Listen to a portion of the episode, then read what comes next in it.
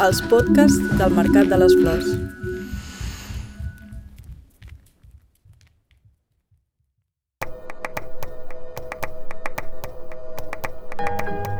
El imaginario aparece a partir del real.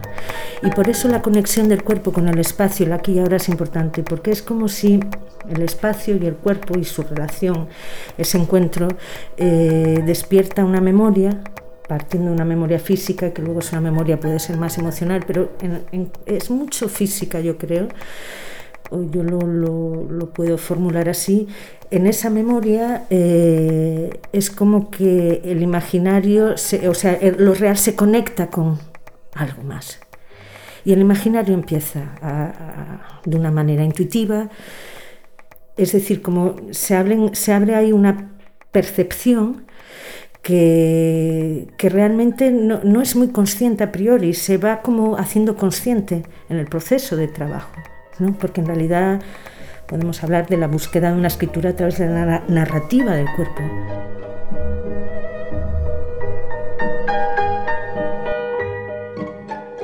Olga Mesa és una coreògrafa de la mirada, o una artista visual de l'escena, i també una directora de cinema experimental amb algunes dosis de road movie i de comèdia romàntica underground.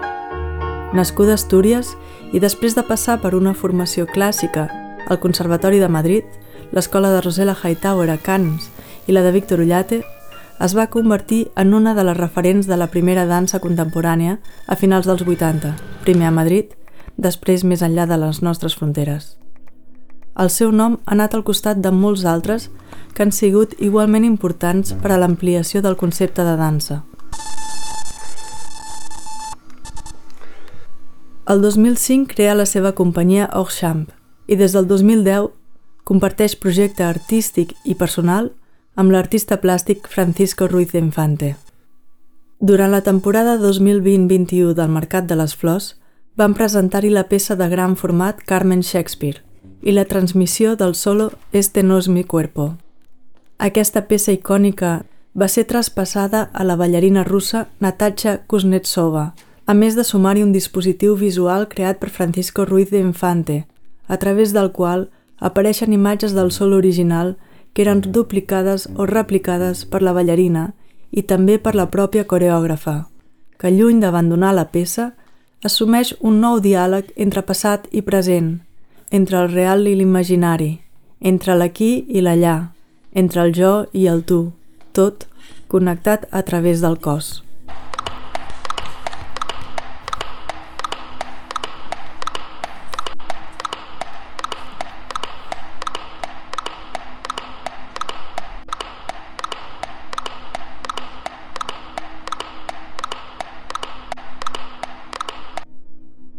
para mí era también un reto de, de encontrarme con algo que realmente hoy seguía hablándome, me seguía diciendo cosas, ¿no?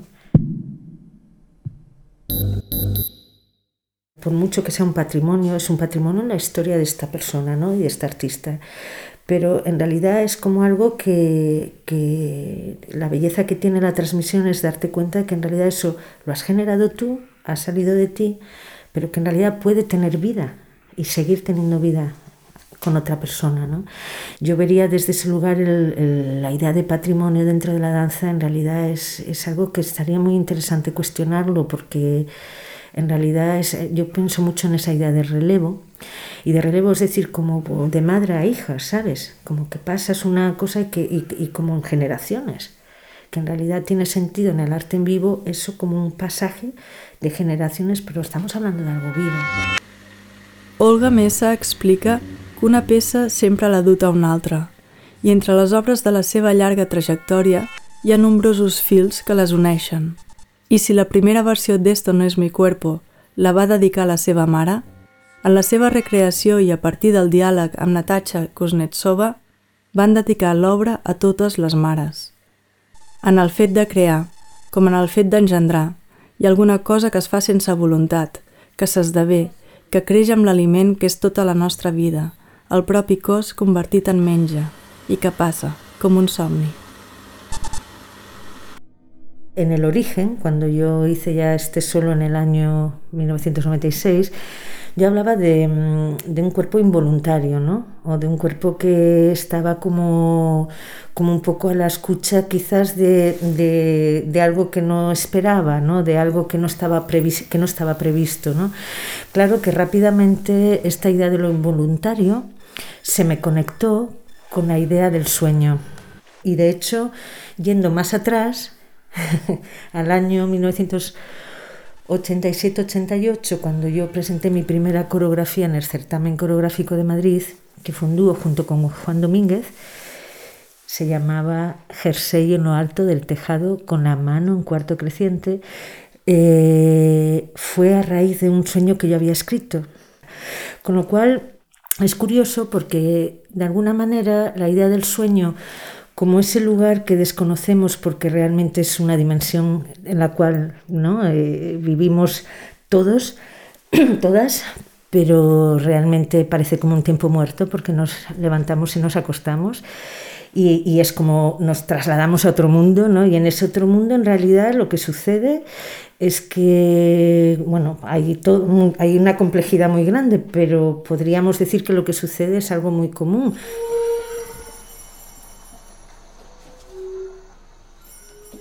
L'interès per la mirada ha estat una constant al llarg de la seva creació, si ha un gir cap a la complexitat a partir de l'any 2012, amb el Labo Film El lamento de Blancanieves, una obra creada i interpretada amb la ballarina Sara Bass a partir d'una residència artística a Montemoro Velo, de Portugal. Toma.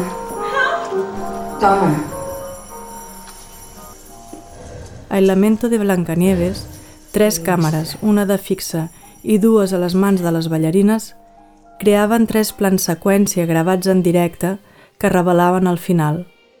Per això es presentava com una peça escènica i una experiència de muntatge cinematogràfic en directe.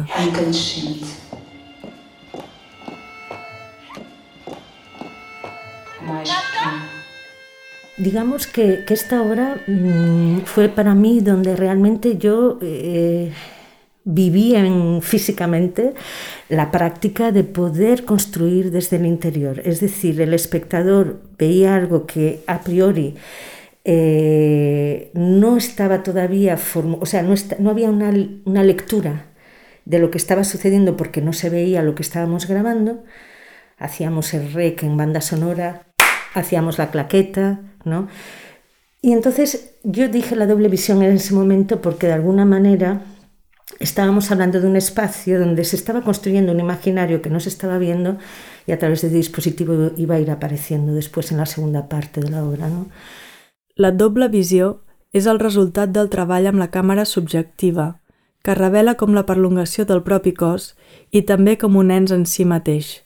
De manera que, per un cantó, respon a la necessitat d'aprofundir en l'aspecte dramatúrgic de l'obra i, per l'altre, de voler ser vista mirant i així fer del mecanisme de visió un element coreográfico.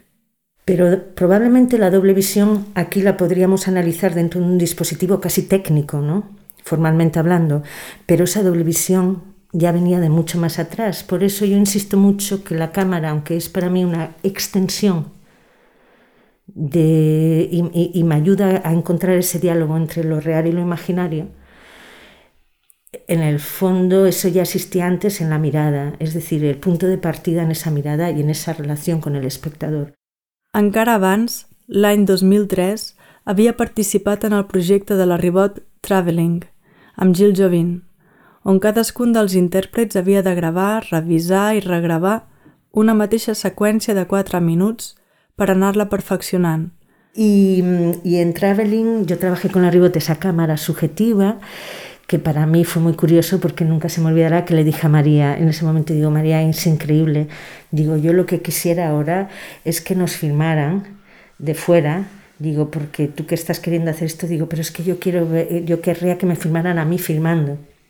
Para mí ese es el, el cuerpo operador en mi trabajo, parte de ahí, de la doble visión, parte realmente de, de ver eh, no tanto la imagen, sino de ver cómo capturas la imagen.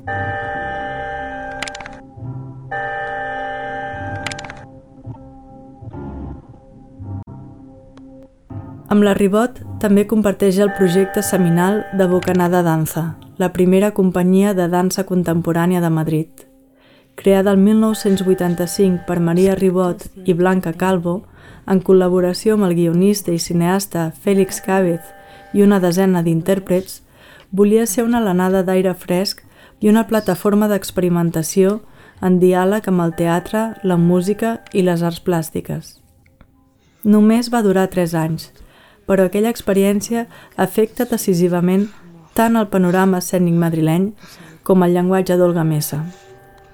Igual que, 10 anys més tard, el col·lectiu UBI, que l'any 1997 va organitzar el primer festival del que era una nova dansa, el Festival Desviaciones, que va durar fins al 2001.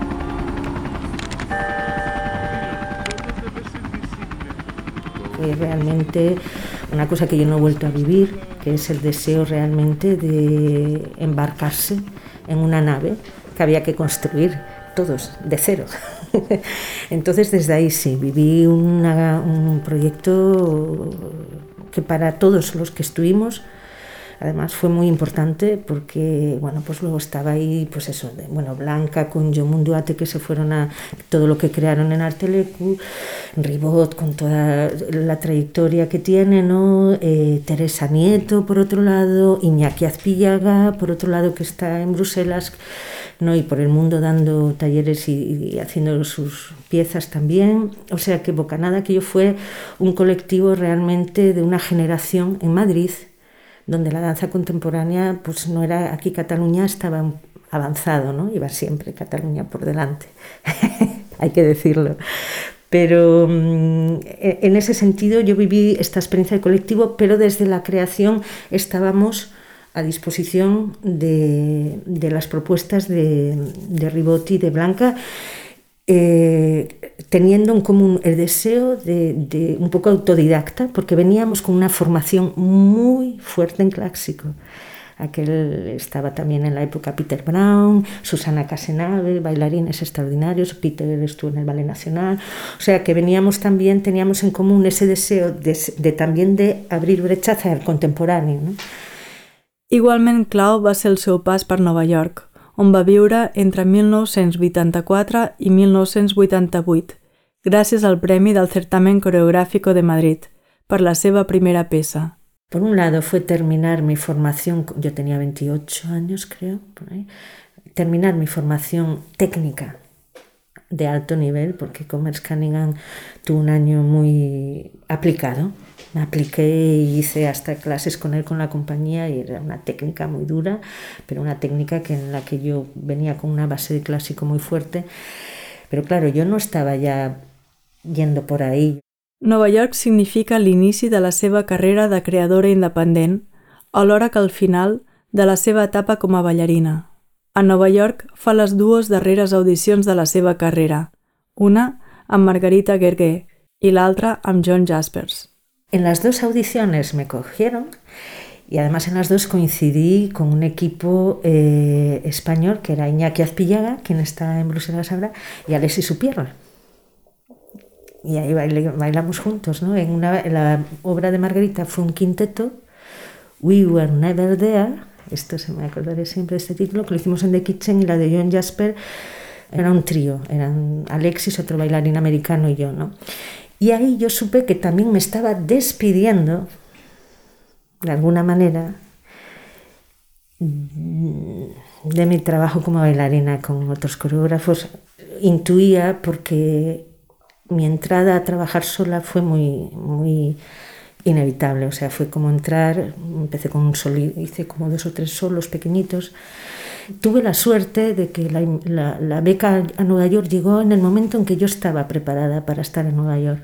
Nueva York tú llegas, te vuelves loco, hay tanta información, quieres hacer todo, trabajo físico de voz, de movimiento, quieres descubrir todo el árbol genealógico de la postmodern dance, todo, porque allí tienes todo directo, ¿no? Todo lo que es, es, maravilloso en términos de formación porque tienes todo el árbol, los descendientes de los descendientes que siguen dando clases, que entonces una, es un lujo, pero claro, tienes que elegir. ¿no? Y yo elegí una parte importante en poder alquilarme un pequeñito estudio, yo me iba ahí al estudio y ahí fueron saliendo el primer solo Evidence Blood. Entonces, Nueva York fue destino, ¿no? Porque yo no lo elegí, fue como que apareció. De alguna manera en Madrid también mis compañeras, la Ribot y Blanca, me estaban empujando a que yo empezara a hacer mis trabajos, eso lo recuerdo también. Tuve también suerte de estar rodeada siempre como con gente, eh, con personas, artistas o personas que, que han creído en mi trabajo, ¿no? que han, me han ayudado también como, o sea, han mandado fuerza, han mandado... Eso puedo decir que he tenido mucha suerte. La seva particular hibridesa és el resultat d'una estranya fusió d'intimitat i tecnologia, el que seria un espai intermèdia que junta el gest espontani amb la seva reproducció audiovisual. Claro que referentes en la danza, por supuesto, de mi generación, pues hubo, sobre todo cuando era joven, Pina Baus, de muy joven, cuando descubrí precisamente con la Ribot, nos escapamos a Wuppertal, un viaje a ver Nerken, creo que fue. Pinavaos marcó ahí un, como para tantos ¿no? creadores de mi generación, eh, una, una, manera de quizás de, de ver eh, el cuerpo precisamente relacionado más con lo biográfico, precisamente también más eh, como, como buscando quizás una organicidad del movimiento, desde también desde algo que era sentido, claro que hablamos de cuerpos muy sofisticados en los cuerpos de, la escritura coreográfica de Pinabaus, pero estaba buscando como una cierta humanidad esos cuerpos, ¿no? Una, una, un, un, acercamiento humano ¿no? al cuerpo. Yo creo que, no sé, igual esto Pinabaus nunca lo hablo así, pero yo es lo que percibí, lo que me comunicó su trabajo, para mí ha sido muy importante eso, la humanidad. ¿No? Supuesta, dentro del artificio dentro de la seducción, que ahí yo ya me separo, me alejo de... Bueno, me alejo. Yo tengo mi seducción también, yo creo. Todos tenemos. En realidad todos tenemos. Pero bueno, es de otra desde otro lugar. Y, pero te hablaba del cine porque creo que el cine es lo que pues descubrí autores, bueno, todo lo que es la Nouvelle Vague de la época, Tarkovsky, mm, el cine ruso, el cine también experimental en Jonas Mekas, eh, en Estados Unidos. El, el, lenguaje del cine sigue siendo como realmente la narrativa donde, donde es algo como muy familiar.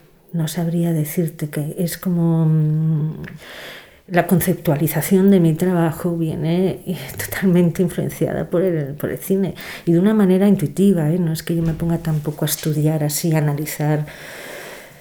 La filtració del llenguatge audiovisual en les seves obres va ser reforçada per la trobada amb diversos col·laboradors i sobretot per la complicitat amb Daniel Miracle, realitzador audiovisual, creador del col·lectiu de televisió experimental Neoquinoc TV i actual membre de Telenoica amb qui va coincidir en un taller a la Facultat de Belles Arts de la Universitat de Cuenca, l'any 1994. El espacio, las artes visuales, tanto visuales como plásticas, estaba ya en el propio proceso con mi primer solo lugares intermedios que yo construía, bueno, yo cambiaba el espacio con papel craft, lo llené todo de papel craft y luego hice un fuego de verdad y luego, o sea, yo ya estaba queriendo traer al espacio um, otros lenguajes donde necesitaba atravesar, o sea, vivirlos a través de mi cuerpo, ¿no? O entrar en contacto con ellos, ¿no? Entonces, cuando conocí a Daniel Miracle, que ahí venía pues ya un deseo, pues ahí empecé a filmarme a mí durmiendo, eh, que entró con el Super 8 en Esto no es mi cuerpo, empezó luego más tarde ya la cámara con el intérprete que nos poníamos y salíamos fuera de campo a camerinos, con Desórdenes para un cuarteto más tarde, fue con 1999 Limitaciones Mon Amour, que estava Bea Fernández ahí. Però no és només amb la càmera, també el so és una eina per crear aquest esfumato de realitat, aparicions diferides i narracions múltiples com es va veure en una de les darreres col·laboracions amb Daniel Miracle, Daisy Planet. Pensem que, que Era la primera pieza que, escri que empecé escribiendo antes de poner el cuerpo en el espacio. Y la sorpresa fue que cuando escribía un poco y empecé a inventarme como una ficción del planeta de las margaritas, ¿no? Cogía pues ideas de Doris Agán, pero que las llevaba pues a algo más coloquial, más, más simple para mí, ¿no? no, intentaba, no intentaba traducir la teoría de la teoría Gaia, sino era como más de una manera más poética ¿no? y más también lúdica, de alguna manera. ¿no? La sorpresa es que yo escribía, me paraba y luego me iba al espacio hacía algunas acciones o, una danza, volvía y volvía a escribir, ¿no? Y de repente descubrí, bueno, descubrí, eh, fue una experiencia de, decir, bueno, eh, empieza el enunciado, empieza la palabra como enunciado, que abre un espacio para que el cuerpo accione, ¿no? Y entonces es como una extensión.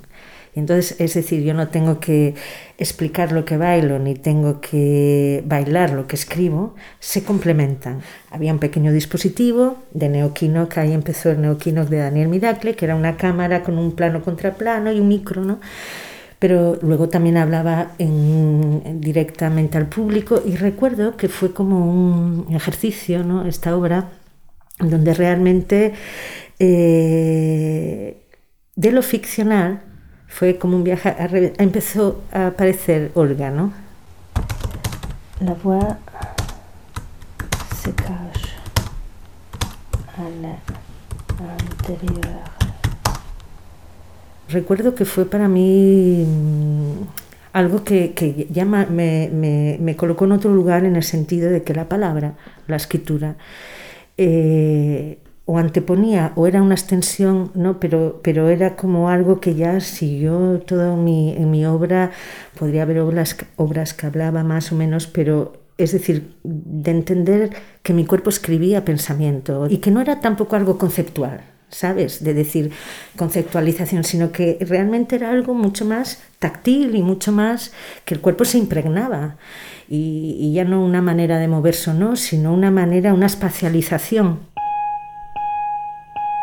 o també a Suite au Dernier Mot, au fond, Tout est en surface, una peça del 2003 fortament inspirada en Jean-Luc Godard, que tenia un monitor de televisió i un projector en escena. El concepte de coreograma ve del joc de paraules entre coreografia i fotograma, com l'espai que hi ha entre el cos i la seva observació, per fer veure allò indiscernible, la influència de Godard també aporta al seu llenguatge coreogràfic la idea de fora de camp. Totes aquestes idees decanten en la trobada amb la persona i l'obra de Francisco Ruiz de Infante, que aporta un espai d'aigua barreig tecnològic i audiovisual més proper al caos, com el caos que va originar la creació. En la colaboración actual con Francisco Ruiz de Infante es otra cosa, porque ahí sí que podemos hablar de un, dos autores, eh, sobre todo lo que es el proyecto Carmen Shakespeare, que llevamos años trabajando. y luego pues además nos inventamos una ficción que ha creado realmente lo que es también el arte y la vida, porque estamos ahí con ese Carmen Shakespeare, Olga Francisco, que son indisociables. Francisco Ruiz de Infante és un artista basc que es va traslladar a França a finals dels 90, on ensenya i ha creat gran part de la seva obra plàstica, fílmica i instal·lativa, tan propera al teatre com l'obra d'Olga Mesa s'acosta a l'art plàstic, els dos apropant-se al camp de l'altre abans de trobar-se, sense saber-ho. El contingut poètic i l'estètica inacabada de Francisco Ruiz de Infante, que també aplica els dispositius escènics de les creacions amb Olga Mesa, donen lloc a trampes visuals, que es converteixen en oportunitats. Hablamos de una mecánica, pero no es una mecánica porque es la mecánica de la sensación. Entonces el, laberinto es, una oportunidad, ¿no? Francisco lo llama trampa y para mí yo lo vivo como una oportunidad eh, para realmente poder eh, sorprenderme a mí misma, para en esa sorpresa a mí misma eh, compartir, vivir esa sorpresa y poder compartirla o comunicarla al espectador.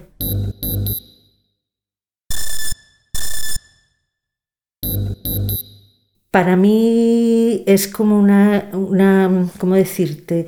Una experiencia eh, casi, casi eh, contraria. E, e, esa dispersión aparente, esa desorientación que para el espectador no sabe quizás qué punto de vista o la información, ¿no? que de repente dice, bueno, ¿dónde pongo el foco? ¿Dónde pongo en el interior? Lo que el cuerpo vive quizás es una, la posibilidad de estar muy en el presente aquí y ahora y que las decisiones que toma, eh, aunque están ya, no hablamos de una escritura de improvisación, porque son, son ya protocolos del cuerpo que están, vamos, que tienen ya su, su lugar y su forma, ¿no?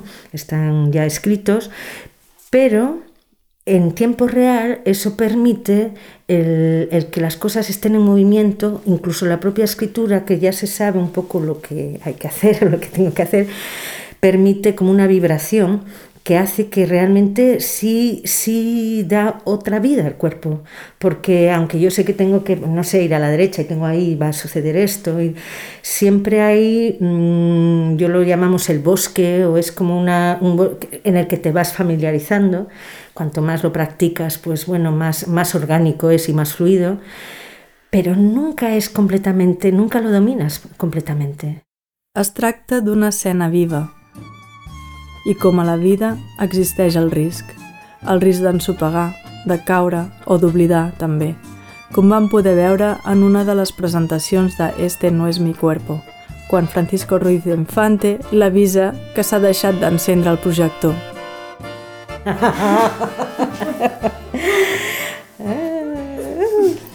Espera.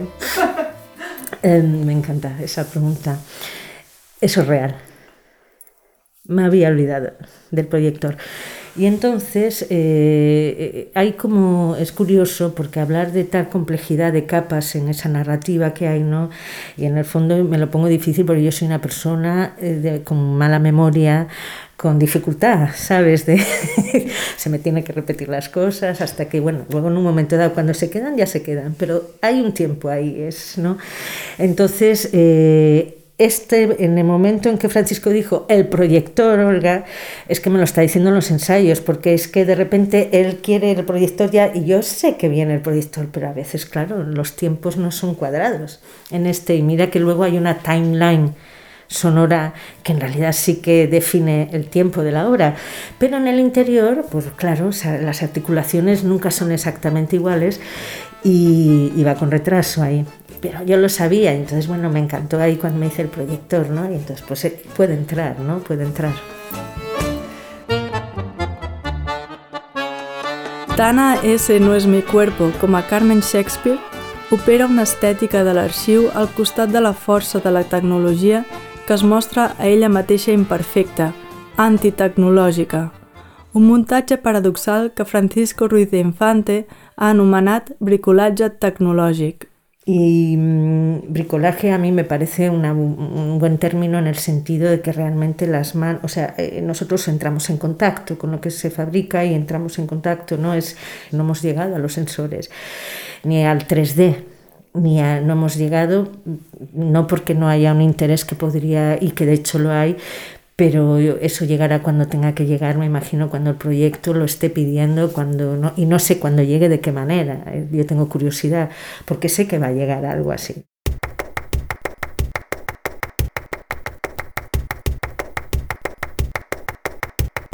La tecnología nos interesa mucho. Lo que pasa que cuando la tecnología se impone, o sea, se impone, cuando la tecnología está, está mm, el cuerpo se tiene que poner en, en función, es nuestra dificultad, ¿no? En ese sentido, las tecnologías más innovadoras pues ya controlan mucho más una serie de cosas, sobre todo no que controlan ya van a afectar mucho más la forma final por su propia ya idiosincrasia de capacidad de, de formulación ya tecnológica, ¿no?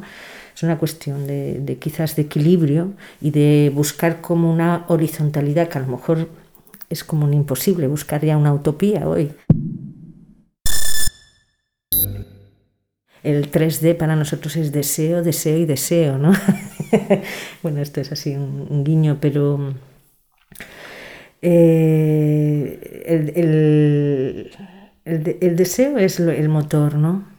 Eh, el deseo es realmente yo también ahí hablo de, hablamos, Francisco habla de deseo y yo hablo de necesidad en la creación, que en realidad eh, estamos siempre en contradicción, porque dices que es el deseo, no es la necesidad, y yo digo, no, es la necesidad, yo tengo hambre, ¿no? Necesito comer, necesito comer, no es deseo comer, yo tengo hambre. Yo la, y él dice, no, es el deseo. Eh, realmente las dos son, yo lo veo como, como, como que algo que te está esperando, algo que tú intuyes que ya está ahí y es como inevitable en el sentido, bueno, tú puedes mirar a la derecha, irte para allá, irte para allá, pero si hay algo ya está ahí emergiendo, emergiendo, ¿no? Es como, bueno, el deseo es casi como la misión, que no es el deseo solamente apetito sexual o apetito del otro, es, es como algo mucho más amplio, ¿no? Es yo el deseo lo veo como el motor y como la misión y la responsabilidad de algo que es inevitable, es decir, que ya está ahí y que tienes que llevarlo a cabo. O sea, tienes que, es que no, a ver, no te que, o sea, sería una irresponsabilidad no, no llevarlo a cabo, ¿no? Algo así. Olga Mesa va marxar, com molts altres artistes, cansada de la manca de suport a la cultura i veient les facilitats que li oferien a Portugal o a França, on finalment va decidir instal·lar-se. Madrid nunca fue fácil, ¿no? Para nosotros dentro de la danza independiente siempre el tipo de trabajo que, que hacíamos en los 90, ¿no? Era complicado porque no, no había un tejido de creación en Madrid, ¿no? No había, institucionalmente había intentos, pero no, no había continuidad. Yo creo que el problema siempre fue no hubo apuesta por la creación independiente desde la creación, ¿no? Para crear, no sé, estructuras un poco, ¿no? Siempre estábamos saliendo fuera. Yo estaba yendo a residencias mucho a Portugal en los 90. ¿Y qué pasó? Pues en el 2001 hubo una presentación muy importante en el Teatro de la Vida en París con Esto no es mi cuerpo, que eso dio fue una visibilidad tan grande que eso empezó a darme la posibilidad de tener más que producciones, yo tenía, pero tenía como residencias para poder hacer nuevos proyectos en Francia, en 2001. Y en 2005 llegó una invitación del Teatro Polisud de Estrasburgo que ahí me dieron como artista una, una, propuesta de dos años como artista residente. Y nunca se me olvidará que, bueno, yo podía haber ido y haberme vuelto, pero yo ahí, que hacía tiempo yo veía que Madrid se estaba costando y era, era como llamar a la puerta cada vez, ¿no? Era siempre, y ya habían pasado unos años y tú te decías, bueno, ¿qué estoy haciendo aquí? ¿Por qué no me he ido ya antes a, no sé, a Portugal, por ejemplo?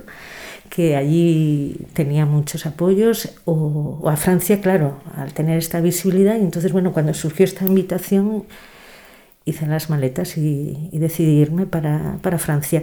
En realidad yo elegí Francia y Estrasburgo me eligió a mí. El nomadisme dels artistes crea una manera d'estar en el món que pot ser propícia per a l'expansió de la mirada que ha volgut treballar Olga Mesa al llarg de tota la seva carrera.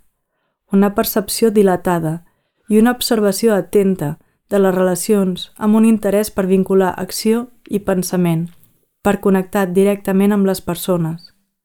Potser d'aquí ve també la forta presència de l'espectador en el seu pensament coreogràfic. Si partimos de una pausa y parece que rompes la continuidad de una o rompes, ¿no?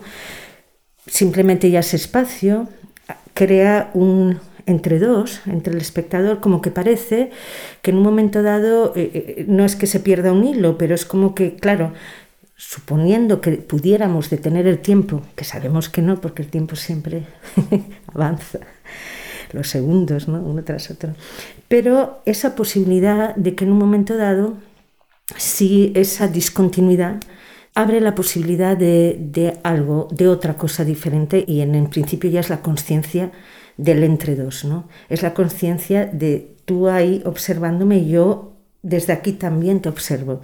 Yo tengo un referente muy importante, bueno, un referente que es una inspiración muy grande, que es em, el cuadro de Velázquez de las Meninas. Para mí es una cosa que es eterna. O sea, es eterna, no me canso de esta cuestión de realmente dónde está el lugar del que mira y del que observa y qué es lo que realmente vemos. En realidad el dispositivo luego expande, luego lo hace más, o sea, ayuda a la arquitectura del espacio a, a cuestionarlo y es como más, pero yo ya la estaba practicando más metafóricamente o metafísicamente desde mi presencia, desde el principio, creo.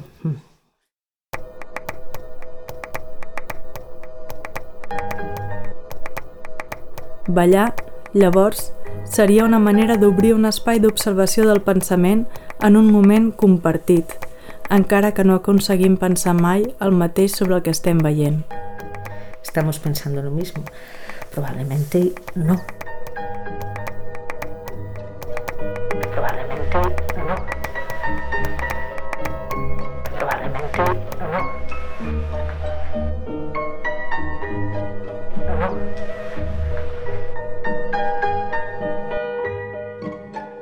Aquest és un podcast del Mercat de les Flors, Barcelona 2021.